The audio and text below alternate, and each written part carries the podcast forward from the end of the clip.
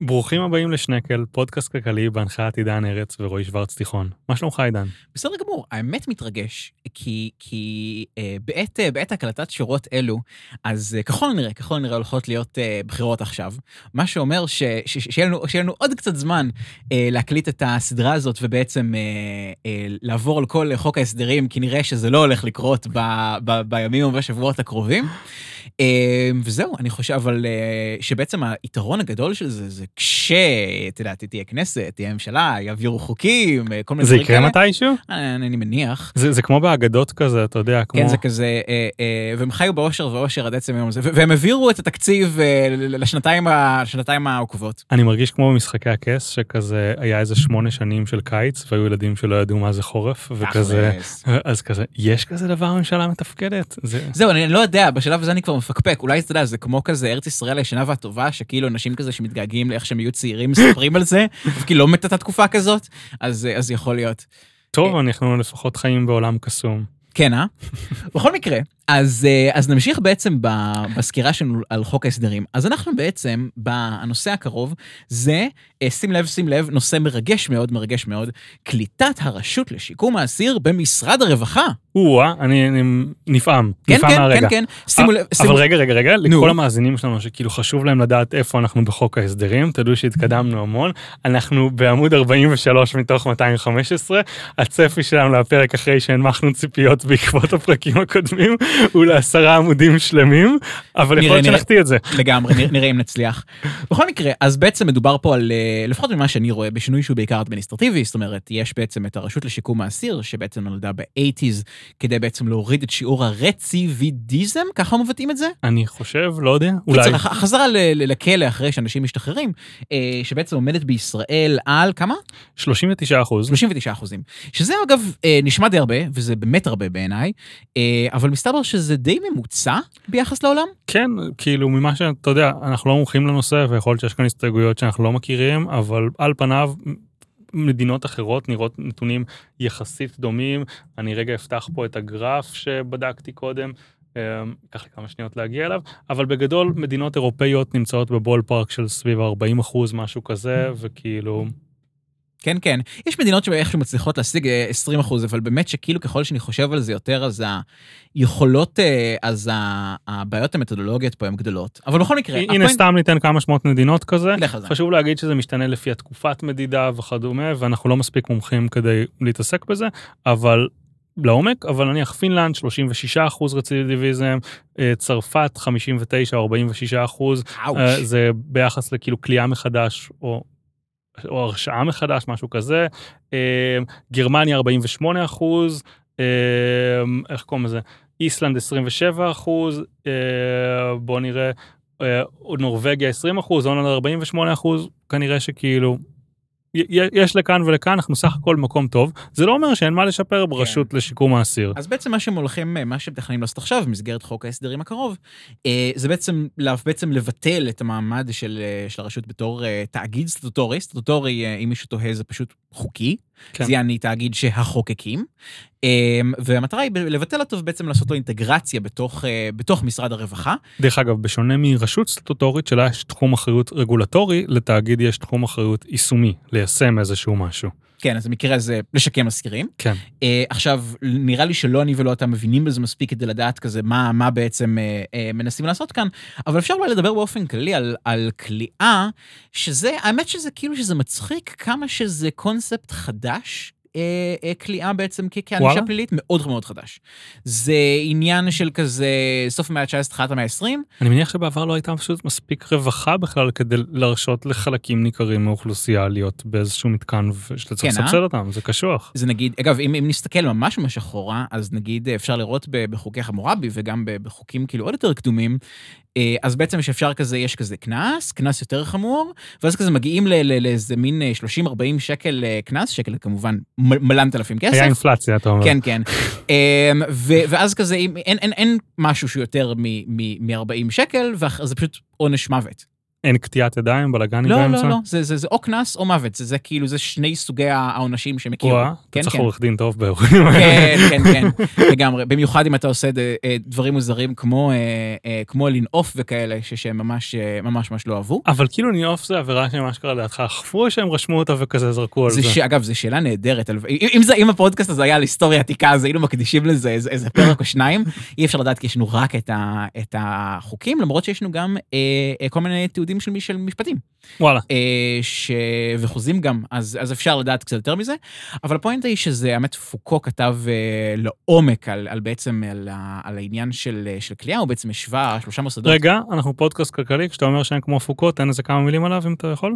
אה, כן, פוקו, הוא, וואי, האמת ש- ש- שאני לא מכיר אותו לעומק, אבל בגדול אה, אה, פילוסוף מהמאה ה-20, צרפתי. צרפתי, נכון? כן. אה, והוא בעצם השווה בין, אה, בין כל מיני סוגים של מוסדות מודרניים, אלא, אם אני זוכר נכון, הוא השווה בעצם אה, בתי סוהר, בתי ספר ובתי חולים, או, או, או בתי משוגעים, אחד מהשניים. אה, ובעצם הוא ראה שהמוסדות האלה הם תכלס לא מאוד שונים. אה, ו- והם משתמשים בעצם באותן שיטות כדי בעצם אה, לאכוף ו- ו- ו- ולהעניש, אה, ולמשטר בעצם את ההתנהגות של אנשים. אמ, ובעצם היום זה נראה לנו כל כך ברור מאליו, שכאילו שהעונש על, על, על עבירות כאילו זה כליאה, אמ, אבל, אבל לפחות מה, מהמחקרים ש, שאני מכיר בנושא, זה לא עונש מאוד יעיל. זאת אומרת, מהבחינה הזאת של כאילו, קודם כל הוא מאוד מאוד יקר, גם זאת אומרת, להחזיק בן אדם בכלא וגם בעצם זה שהוא לא עובד, ואתה יודע, זה כזה לא, לא מפרנס את, לא את עצמו, לא מפרנס את המשפחה שלו, לא משלם מיסים.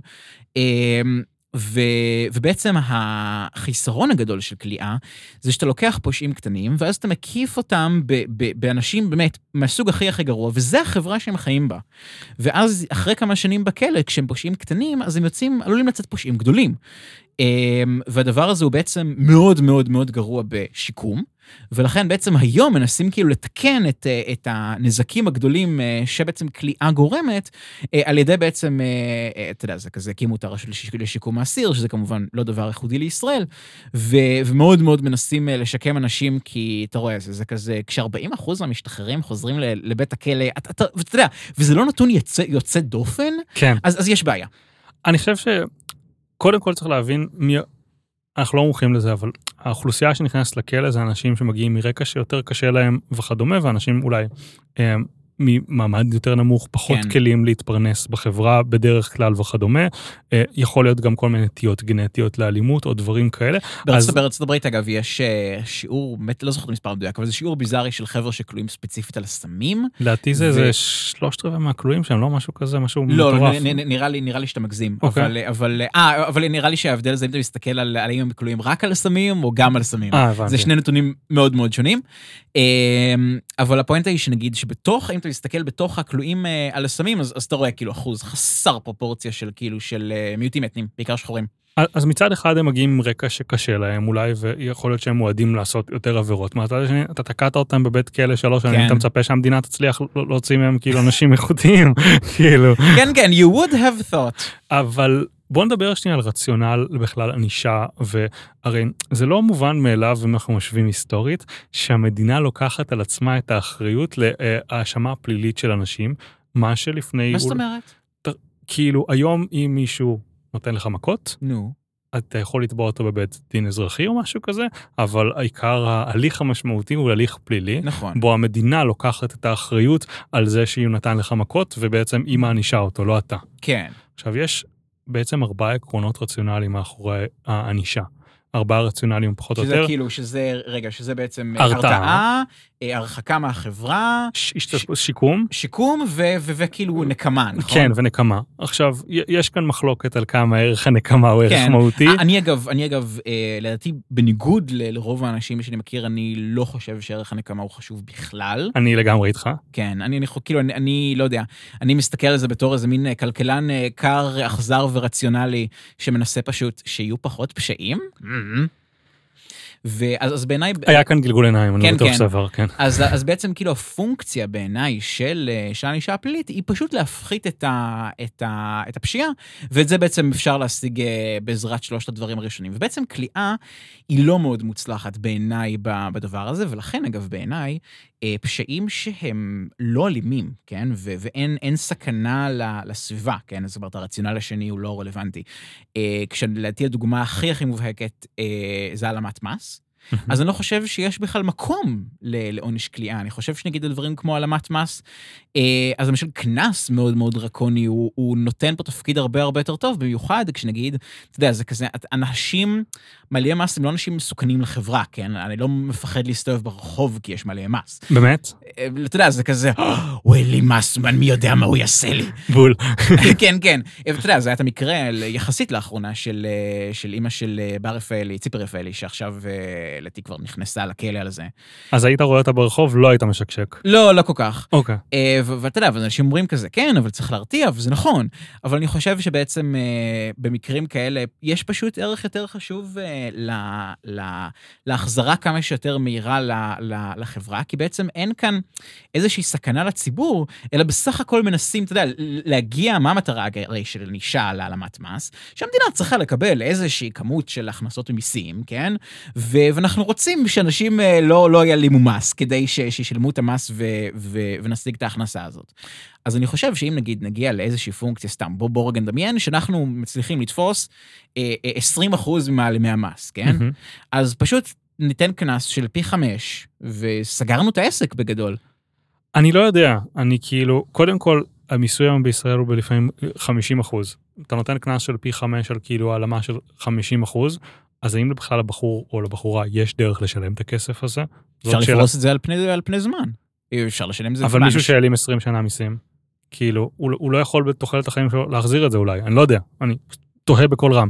דבר שני, הנטייה שלי לחשוב שנניח, לו אני הייתי רוצה להעלים מס, Mm. אני לא רוצה להעלים מס, אבל לו הייתי רוצה להעלים מס, אני מניח שהענישה בכלא הייתה מרתיעה אותי במידה לא, מסוימת. בוודאי שהיא מרתיעה, אני הש- פשוט חושב שהיא כאילו בזבזנית בהקשר לא. של- של פשעים בלתי אלימים. אני חושב שמה שהייתי רוצה לראות זה פשוט מחקר בנושא, ש... נכון. שיזרקו חלק, יעשו קבוצת ביקורת של אנשים שלא ישימו אותם בכלא על העלמת מס. אה, אגב, היה, היה קטע פעם בעצם של, אה, של רשות המיסים, שבעצם אפשרה להמיר אה, עונש כליאה בקנס חמור יותר. וואלה. כן, כן, אבל ביטלו את זה בגלל בעצם מראית עין של חוסר שוויון.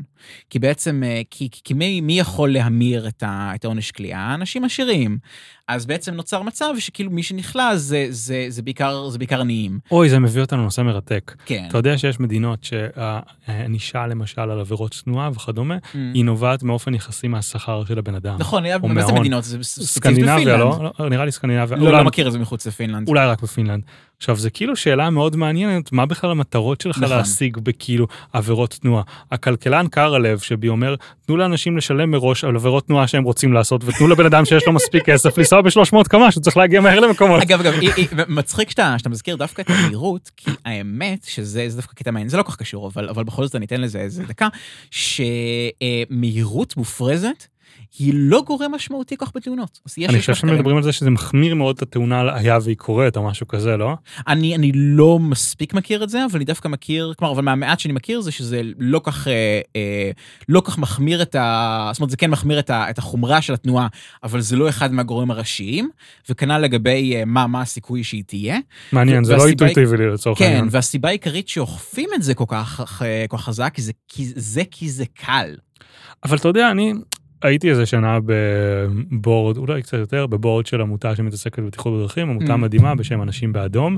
אה, אה, היציאה שלי מהפגישה הראשונה איתם, זה שמימיני יושבת המלווה הראשונה שהכניסה את חוק המלווה כאילו באוטו כשאני נוהג, ומאחורי יושב הבן אדם אה, אה, ש... אה, נו, שהכניס את ה... אה, איך אני נוהג, את המדבקות הזה, ואני כאילו נוהג אמרתי, לא משנה מה אני עושה, אני מתחיל 20 קמ"ש פחות מכמה שמותר. זהו, באתי לשאול אותך, מהירו לך הנהיגה? אני כאילו הכי מפחיד בעולם, אבל um, אני הייתי תחת הרושם שהמדינה לא אכפת לה מאכיפת מהירות. אם היה אכפת לה מאכיפת מהירות, אתה יכלת לשים מצלמה בכל כניסה לכל כביש ראשי, מצלמה בסוף ולעשות מהירות ממוצעת, ואז כאילו יכול להיות שמישהו יעצור בעשר דקות לקפה ואז המהירות הממוצעת שלו תרד, אבל לרוב לא יעשו את זה, ואתה ת- תקטו- תיתן עבירות, כאילו באמת בטירוף, היום מה שקורה, אנשים מאיטים לפני המצלמה וממשיכים יותר מהר אחר כך.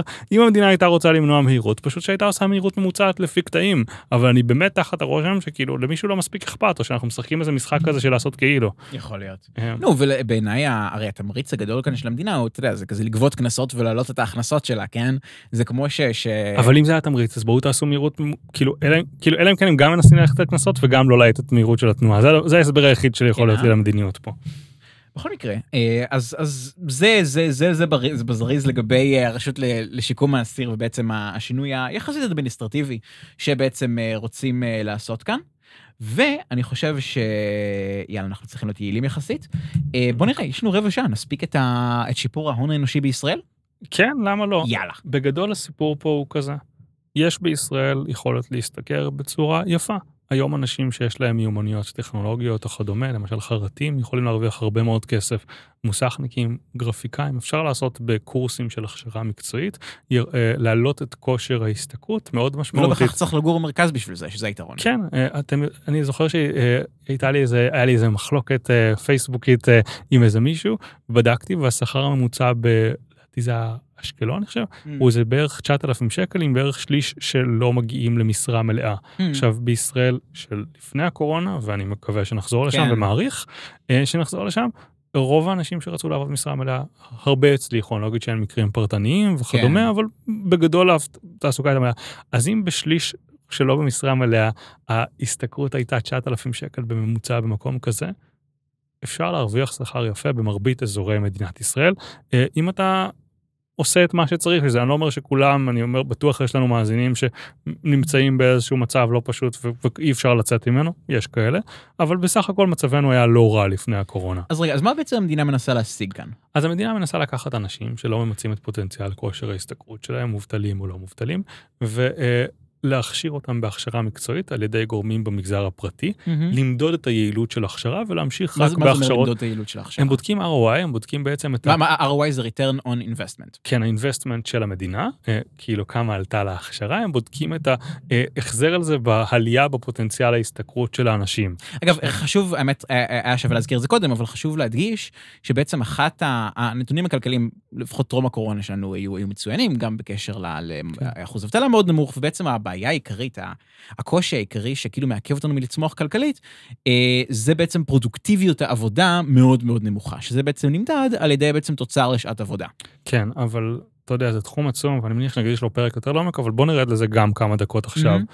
א', יש ש- שני משקים שונים בארץ כן. בכל הקשור לזה.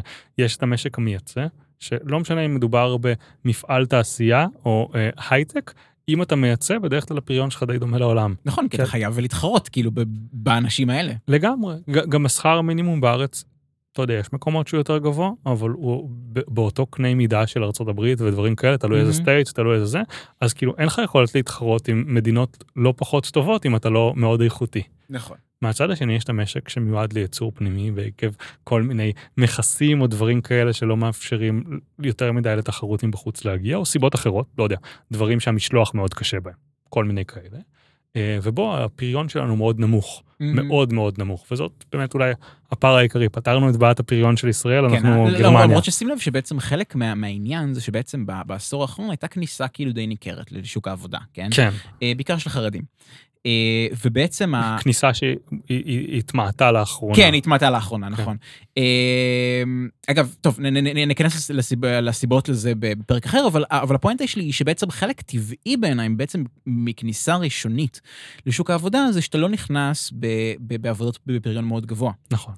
אה, ולכן בעצם אחד הדברים החשובים שכאילו מנסים לעשות כרגע, זה בעצם אה, אה, למצוא איך אפשר להשים אנשים בעבודות שייתנו להם, שייתנו להם להרוויח הרבה יותר שכר, כי הם פשוט יצרו דברים ששווים יותר. אני חושב שגם יש כאן אפילו התייחסות ספציפית לקריטריונים לפי מגזרים, מגדר וכדומה, אה, חרדים, נשים, גברים, כמה רוצים שהם יעלו וכמה כאילו בשיעור התעסוקה וכדומה. אגב, ש, ש- ש- שזה בוא- בוא- בוא שאלה רגע- למה, כאילו, לא, כן. כן, ל- למה כאילו המדינה מגדירה את זה לפי לפי מגזרים. אוכלוסיות, כאילו, אני לא יודע, אתה מדמיין שהם מגיעים למצב, טוב, הצלחנו להעלות את הנשים בשלושה אחוז הערביות, אז בואו נפסיק להתמקד בלעזור לנשים ערביות ובואו נעבור להתמקד בגברים חרדים, כאילו, לא יודע.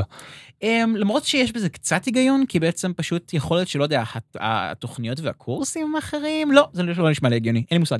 לא, דווקא אני מניח שיש התאמה למגזר, חרדים אתה חייב לעשות קורסים, כאילו, נראה לי הפרדה גברים נשים, כן, אבל, כאלה, אבל, זה לא, אבל זה לא סותר, נגיד שיש לך- איזשהו ספק קורסים, כן. כן. לא יודע, מישהו שמלמד אנשים אה, איך, איך, איך לא יודע, להיות מסגר או ערף, אז, אז אתה יודע, זה כזה, זה לא, לא יפריע לו, אתה יודע, לעשות קורס אחד מעורב, קורס אחד רק גברים.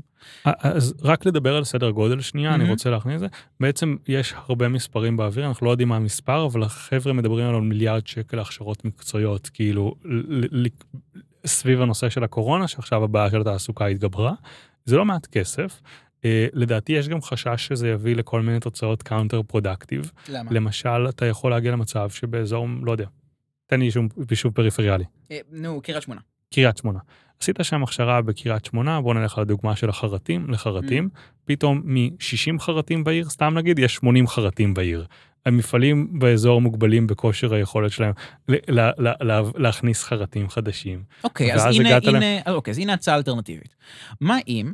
חכה, חכה, יש עוד בעיות, אני אסיים עם אוקיי, לפני כן, ההצעה תמשיך, האלטרנטיבית. תמשיך.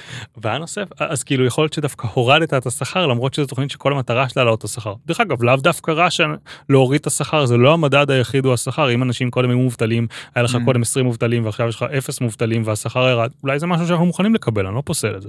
אבל הדבר השני, דרך אגב היום יש 60 אה, מועסקים בחרטות בקריית שמונה, וכל שנה נניח מפסיקים 20, סתם זורק, אמ, וכל שנה יש קורס שמכשיר 20, אז עכשיו פתאום המדינה מסבסדת את אותו קורס שקורה בכל מקרה, מעלה את השכר של המרצים כי יש עוד ביקוש למלא תוכניות הכשרה של המדינה, ופשוט גורעת משהו שהיה מתקיים באופן מושלם בשוק הפרטי. אני לא אומר שזה המצב, כן. ואני אומר שאף אחד לא יודע אם זה המצב. נכון. אז, אז, אז הנה נגיד הצעה אלטרנטיבית. אוקיי. ש... שאולי תוכל לעשות את זה יותר טוב. מה אם, במקום להתחיל עכשיו להתעסק בכל ה-ROI של הקורסים. ולבנות להם מכרזים וכן הלאה, מה אם פשוט אה, אה, ניתן כסף, לא יודע, או לעובדים או למעסיקים או למישהו, אבל שבעצם דרך שוק העבודה עצמו, כן? נגיד סתם, אני, אני מעסיק ב, במפעל, כן? ו, ואני אני רוצה לעשות קורס כדי להביא עובדים מקצועיים אליי, כן? כן. יש המון המון תחומים שאתה יודע, זה כזה, אפילו בזמן אבטלה קשה, עדיין יש מעסיקים מסוימים ש- שמתקשים למצוא עובדים. אז למשל בתחומים האלה יש לך הרבה מאוד uh, העסקה של עובדים זרים, כי יש כן. לך, כי, כי יש מחסור בזה והמדינה מאפשרת באופן מינימלי, אה, הם כאילו אתה מגיש להם כל מיני בקשות סופר מפורטות אני חושב, על איך זה שאתה תעסיק עוד עשרה עובדים זרים יגרום לך להעסיק עוד 20 ישראלים כל מיני דברים כאלה. כן, כן, זה, זה נשמע האמת כמו חוקים ישראלים. אז זהו, אז אני חושב שאולי צריך כאילו להעביר את הדבר הזה דרך המעסיקים, אתה מבין מה אני אומר? ואז בעצם המעסיקים הם אלו שאתה יודע, לצורך העניין, ילכו ו- ו- וישכרו את, ה- את החבר'ה שמעבירים את הקורסים, כן? בתמורה לעבודה אחרי זה או נערף. ו- ובעצם ככה, אז הביקור, כלומר, אז הכסף יועבר באמת באמת לאיפה שיש, לאיפה שכאילו יש ביקוש לעובדים וצריך עוד עובדים, מאשר בעצם שאתה יודע, זה כזה, אה, תהיה איזו רשימה סגורה ו- ואנשים כאילו אה, אה, יבחרו מתוכה. אז אני אגיד לך שדווקא נעשתה עבודת מטה מאוד מאוד רצינית בראשות אקשטיין מ-IDC, מהמרכז הבינתחומי הרצליה, אה, ואני חושב שדווקא יש התייחסות למשהו בשילוב המעסיקים, אני לא רוצה לדבר סתם כי אני לא זוכר את זה כרגע, אבל יש שם דיבור על זה. אבל אני לא בטוח שלהעביר את הכסף לירות המעסיקים זה גם יכול ליצור בעיות חדשות ואפילו לא בטוח כאילו אתה מדמיין את המעסיקים כאיזה אדם סופר רציונלי וכדומה ואתה פחות מדמיין את זה ככאילו בן אדם בן החמישים שעובד מהבוקר עד הערב וכאילו אין לו לא מגיע בכלל להתעסק ולהכשיר את העובדים החדשים. אוקיי, ו- בסדר, אבל, אבל, כן. זה לא, אבל זה לא חייב להיות, כאילו, נו, מה שאני מנסה להגיד זה שגם אם, אם לא כל המעסיקים ינצלו את הדבר הזה, אז עצם העובדה שכאילו תהיה את האפשרות, יאפשר למעסיקים שכן יש להם, אתה יודע, זה כזה, לא יודע, אם אתה חייב כן. כאילו עובדים, עובדים מקצועיים, אז נו, אז תשקיע בזה זמן, כן? ואפילו תשקיע בזה כסף. כן. אמ, אז לדעתי, אם פשוט כאילו תבטיח למעסיקים שעובדים, שנגיד עברו איזשהו קורס ואחרי זה עובדים אצלם, אז תיתן, לא יודע, איזה מענק של ככה וככה שקלים למעסיק ומענק של ככה וככה שקלים לעובד, אז uh, בעיניי זה, זה, זה פשוט יזרים עובדים ל, יותר לכיוונים הנכונים. אמ, אגב, שים לב שנגיד, אנחנו, מבחינת ההכשרות המקצועיות, אנחנו פה בישראל מאוד מאוד מתונים. זאת אומרת, יש מדינות, בעיקר במרכז אירופה, בשוויץ, זה ממש חזק, גם בגרמניה. אוסטריה. כן, ש, שבאופן כללי מדינות גרמניות, עכשיו כשאני חושב על זה. אמ, הם יקבלו את ההגדרה שלהם כמדינות גרמניות, אתה חושב? אה, כן, אה? אבל מדינות אה, דוברות גרמנית אה, אוקיי. למיניהם. אז בעצם, אז רגע, הפואנטה היא שבעצם אה, אה, ההכשרה המקצועית אצלם, היא מתחילה בגיל 15.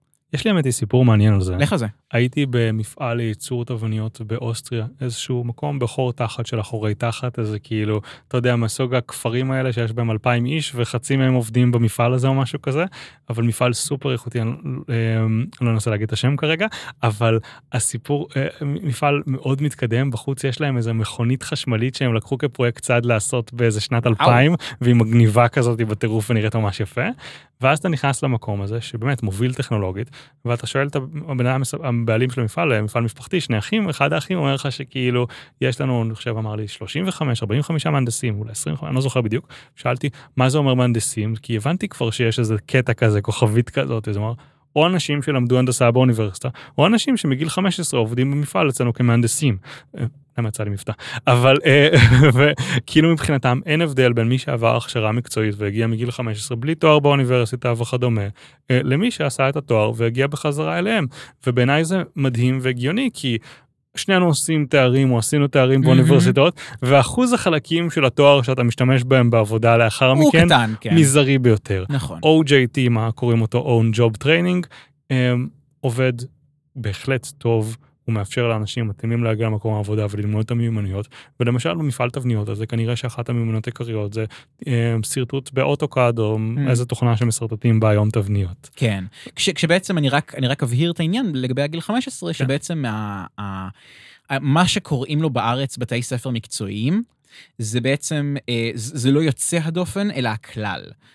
באותן מדינות גרמניות, זאת אומרת, בעצם אנשים מתחלקים, זה הסיבה גם שלא אוהבים את זה בארץ. לא, יש שם כוכבית, אני חושב, שכאילו יש גם עיוניים לאנשים שעושים תואר. לא, יש עיוניים, בעצם, אבל כן, אבל בעצם, אם... זה הרבה יותר רחב, הבתי ספר נכון, זאת אומרת, אם התעודת בגרות בארץ, מה שנקרא תעודת בגרות בארץ, אז בעצם זה נקרא לימודים כאילו מוכווני אקדמיה. ובעצם שזה לימודים שהמטרה שלהם זה להכשיר אותך אחרי זה כדי שתלך לעשות תואר.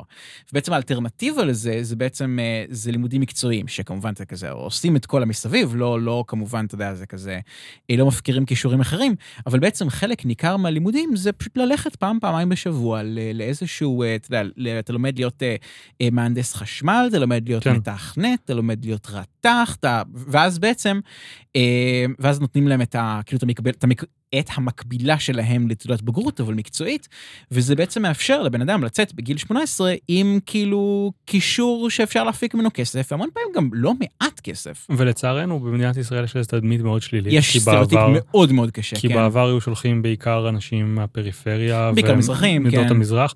אתה ראית את המערכון המדהים של היהודים באיים? כן, כן, כן, כן. עם מצנפת המיון. כן, אז כאילו בגדול יש שם אה, מצנפת מיון באיזשהו בית ספר אני מניח, וכל פעם שמגיע לילד מזרחי שולחת אותו לבית ספר אה, מקצועי, וכל פעם שכאילו מגיע מישהו אשכנזי, לא משנה מי הוא מה הוא, שולחת לעיוני. וזה באמת איזושהי טראומה שאני חושב הייתה בחינוך נכון. בישראל, אבל רוב גורמי המקצוע, אני חושב, חד, חד משמעית ממליצים על חינוך מקצועי וחושבים שזה פתרון טוב, אפילו אם לא נצליח להגיע לרמה של גרמניה. נכון, לא, אגב, אני כן רוצה לציין שהטענה החזקה ביותר ששמעתי נגד אה, הסללה לחינוך מקצועי, שזה בעצם, זה, זה מתרחש בגיל צעיר מדי. זאת אומרת ש, שהבן אדם לא באמת יודע בגיל 15 מה הוא רוצה לעשות בחיים. אבל זה שאני ידעתי לבחור, לא יודע, ביולוגיה ולא תקשורת, או פיזיקה ולא תקשורת, זה אני יותר מוכשר לקבל את ההחלטה הזאת מאשר כאילו, אתה מבין? כאילו, אה, בבית ספר, אנחנו בכל מקרה בוחרים מגמות, כאילו, ברוב בתי הספר. כן, נו, וזה בכל מקרה, זה, זה כן מה שקובע, אתה יודע, אם, אם אתה בוחר מתמטיקה חמש יחידות, זה כן מה שקובע אם תצליח להתקבל למקצועות מסוימים. ותמיד אפשר אחר כך לשנות, כאילו, וכדומה. אז נכון. כאילו, אם יש לך הערכה טובה, אולי זה כן, לא אגב, ששים לב שבעצם, כאילו, הדבר היחיד שזה, שבעצם אה, אה, לימודים אה, אה, מקצועיים במקום אקדמיים, הדבר היחיד שזה חוסם בפניך, כן, זה תואר אקדמי. אה, שזה, אגב... ש... דרך אגב, גם לא באופן מוחלט, כאילו... יש לי חבר טוב עכשיו שכאילו למד לימודים מקצועיים, סיים עם, אני חושב, המינימום של הבגרות, או אפילו mm. לא, ישלים קצת אחר כך ויגיע לזה, וכאילו... כן, יש- יש- יש- לי יש חבר שכאילו שעכשיו במכינה לקראת לימודי הנדסה, זה אפשרי, כן. נכון, אתה צודק. אמ, ובעצם ה- ה- היתרון הגדול שלהם זה שהבן אדם יוצא מבית ספר אשכרה עם מקצוע, כן? ו- וזה לא ש- וזה לא שיש איזה מחסור גדול ב- באקדמאים אה, בישראל, למעשה אנחנו מקום שני אה, ב-OECD, אחרי קנדה, בכ- בכמות הבעלי תארים לנפש. חשבתי שגם יפן, אבל אוקיי. כן. אה, לא, לא, לא, אנחנו, או שזה משתנה כן. פעם בכמה שנים, זה, זה מה ש... זה הנתון האחרון שראיתי. אה, ובעצם, ה... ולעומת זאת, הכישורי עובדים שלנו, כמו שנמדדים גם במדדים של ה-OECD, אנחנו די לקראת הסוף. כן, אז, אה, אז במובן הזה, אז יכול להיות שבעצם אנחנו היום נוטים הרבה הרבה יותר מדי בקיצוניות לכיוון כאילו הסללה, הסללה לאקדמיה, שגם זו הסללה, יש ו- ו... להדגיש. ולדעתי זה גם כאילו חוזר על שתי טרקדיות שאני, לפחות אחת מהן דיברנו בעבר. הראשונה היא שלא משנה כמה כסף אנחנו שופכים על מערכת החינוך, היא לא יעילה, לא כי כל יש כך. שם בעיות מבניות, מהמם. ולכן הכישורים שלנו בינוניים, אנחנו לא חושב שמישהו מאיתנו חושב ש... לא יודע, יהודים או ערבים פחות טובים מהיכולת של אירופאים להגיע להצלחה גבוהה יותר, כאילו זה לא משהו אינהרנטי בנו ככל הנראה. אמ, והבעיה השנייה, שאני לא חושב, לא יודע אם הזכרתי אותה, אבל זה משהו שיושב עליי קשה, אז יש מצב שכבר אמרתי את זה באחד הפרקים, שהיום אנשים שסיימו תואר ראשון, השקיעו שלוש ארבע שנים בתואר באיזשהו משהו הומני, עובדים ברוטשילד פה איפה שאנחנו מקליטים, מרוויחים 9,000 שקל, משלמים מתוך זה 3,000 שקל על שכירות, עוד 1,000 שקל דברים שהיו להם 1,000 שקל פחות אם היו גרים בפריפריה כאילו, ובקושי חיים, בזמן שאנשים שלמדו חצי שנה משהו מקצוע בפריפריה, מרוויחים 12 או 15 אלף, לא בזבזו זמן על תואר, ח- המגורים עולים להם הרבה פחות, וכל המחיה עולה להם הרבה פחות. נכון, אגב, למרות ששים לב שבפועל זה ב- זה בדרך כלל מתקזז בגלל העדפות שונות בנוגע לילדים. כן, אבל העדפות שונות בנוגע לילדים זו בחירה שאתה נכון. יודע, בידי האנשים, וכאילו מדהים איך החברה שלנו רואה את הבן אדם שמרוויח 9,000 או 10,000 ועובד ברוטשילד. בתור מוצלח כמצ- יותר, כן. מ- מהבן אדם בפריפריה שמרוויח פי שתיים, עולה לו פחות, כי הוא השקיע פחות זמן בלימודים, זה. וככל הנראה ייצר יותר ערך. כן, כן, כן, אה, כי אנחנו כלכלנים קרים שמודדים ערך בשכר. לגמרי. טוב, אז תודה רבה, עידן. אה, תודה גם לך. תודה לפודקאסטיקו האדירים. ויאללה, ניפגש בפרק הבא. ניפגש.